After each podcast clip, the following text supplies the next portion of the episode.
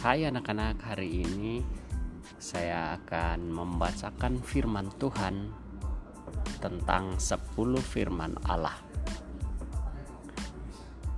Firman ini juga tertuang dalam kitab Keluaran pasal 19 ayat 1 sampai 25. Materi ini ialah materi khusus untuk kelas 4. Tetapi untuk kelas-kelas atau tingkat yang lain juga bisa uh, menyimak kitab suci ini. 10 firman Allah. Sudah lebih dari dua bulan bangsa Israel berjalan melalui padang gurun yang gersang. Allah membimbing mereka dalam tiang awan, sehingga mereka menemukan mata air dan minum. Allah menurunkan mana dari langit dan sewaktu-waktu mereka dapat menangkap burung-burung puyuh yang kecapekan. Makanan mereka memang membosankan. Oleh karena itu, mereka mengeluh. Dulu di Mesir, kami duduk menghadapi kuali berisi daging dan makan roti sampai kenyang yang tidak diingat mereka adalah meminta tolong kepada Allah dalam penderitaan mereka. Sementara itu, Musa merasa tidak sanggup mengurus bangsa besar itu seorang diri. Maka ia mengangkat pemimpin atas seribu orang dan atas seratus orang. Dengan demikian, rombongan besar yang melarikan diri dari Mesir mulai menjadi suatu masyarakat yang teratur. Namun, mereka belum mempunyai peraturan yang mengatur hidup mereka. Akhirnya, mereka sampai di kaki Gunung Sinai. Musa sudah biasa melihat gunung itu karena dulu ia sering menggembalakan kawanan domba Yitro di daerah itu. Tetapi orang Israel baru pertama kali melihat Gunung Sinai dengan puncaknya yang menjulang tinggi di langit. Mereka kagum dan terpesona memandangnya. Lalu Musa naik menghadap Allah. Allah bersabda kepadanya, "Biarlah Israel menjadi harta kesayanganku. Kamu akan menjadi bagiku kerajaan iman dan bangsa yang kudus." Suruhlah mereka menguduskan diri secara rohani dan jasmani.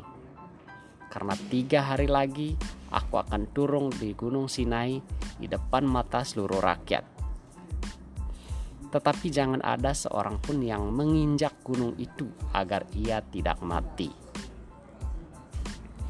Dua hari lamanya bangsa Israel menyiapkan diri menanti penampakan Tuhan mereka membuat pagar di kaki gunung supaya tidak ada orang yang menginjaknya. Kemudian mereka mencuci pakaiannya dan berpuasa untuk membersihkan diri. Pada hari yang ketiga, pagi-pagi benar bangsa Israel sudah siap berdiri di kaki gunung. Tiba-tiba, segumpal awan padat menutupi puncak Sinai, dan dari dalam awan itu terdengar bunyi gemuruh guntur dan bunyi sangkakala yang semakin keras. Pun kilat keluar dari dalamnya. Seluruh gunung Sinai ditutup asap karena turah Tuhan turun ke atasnya dalam api. Maka seluruh bangsa Israel gemetar ketakutan dan seorang diri Musa naik ke atas. Masuk ke dalam awan gelap itu.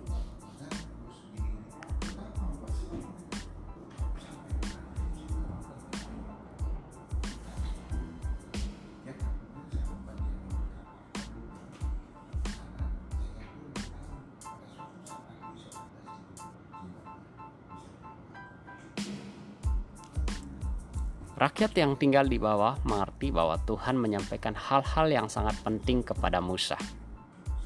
Dan perkiraan mereka memang benar. Di dalam awan itu, Musa menerima dari Tuhan sepuluh perintah Allah. Kesepuluh perintah Allah yang disampaikan hari ini menjadi inti Taurat Tuhan bagi yang bagi orang Yahudi dan orang Kristen. Di dalam awan yang gelap itu, Tuhan berfirman, "Akulah Tuhan Allahmu." Jangan menyembah berhala, berbaktilah kepadaku saja, dan cintailah aku lebih dari segala sesuatu. Jangan menyebut nama Tuhan Allahmu dengan tidak hormat. Kuduskanlah hari Tuhan. Hormatilah ibu bapamu. Jangan membunuh. Jangan berzinah. Jangan mencuri. Jangan bersaksi dusta tentang sesamamu. Jangan mengingini istri sesamamu. Jangan mengingini milik sesamamu secara tidak adil Musa bertanya kepada mereka, "Apakah kamu menerima perintah itu sebagai undang-undang bangsa?" Mereka menjawab, "Segala firman Tuhan akan kami taati dan kami laksanakan."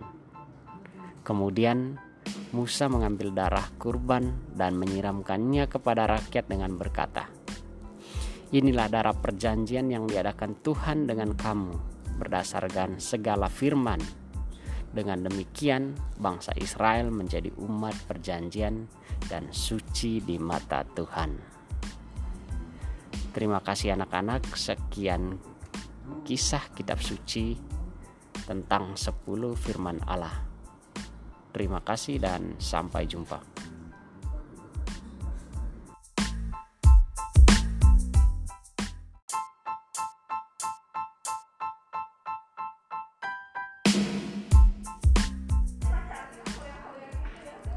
Semangat pagi anak-anak. Hari ini saya akan membacakan kisah Nabi Elia yang terdapat dalam satu Raja-Raja pasal pasal 16 ayat 29 sampai 33 dan dilanjutkan pasal 17 ayat 1. Ahab anak Omri menjadi raja atas Israel dalam tahun ke-38 zaman Asa, raja Yehuda. Dan Ahab bin Omri memerintah 22 tahun lamanya atas Israel di Samaria. Ahab bin Omri melakukan apa yang jahat di mata Tuhan lebih daripada semua orang yang mendahuluinya. Seakan-akan belum cukup ia hidup dalam dosa-dosa Yerobeam bin Nebat. Maka ia mengambil pula Izebel, anak Etbal, raja orang Sidon menjadi istrinya sehingga ia pergi beribadah kepada Baal dan sujud menyembah kepadanya. Kemudian ia membuat mesbah untuk Baal itu di kuil Baal yang didirikannya di Samaria. Sesudah itu, Ahab membuat patung Asyera dan Ahab melanjutkan bertindak demikian sehingga ia menimbulkan sakit hati Tuhan Allah Israel lebih dari semua raja-raja Israel yang mendahulunya.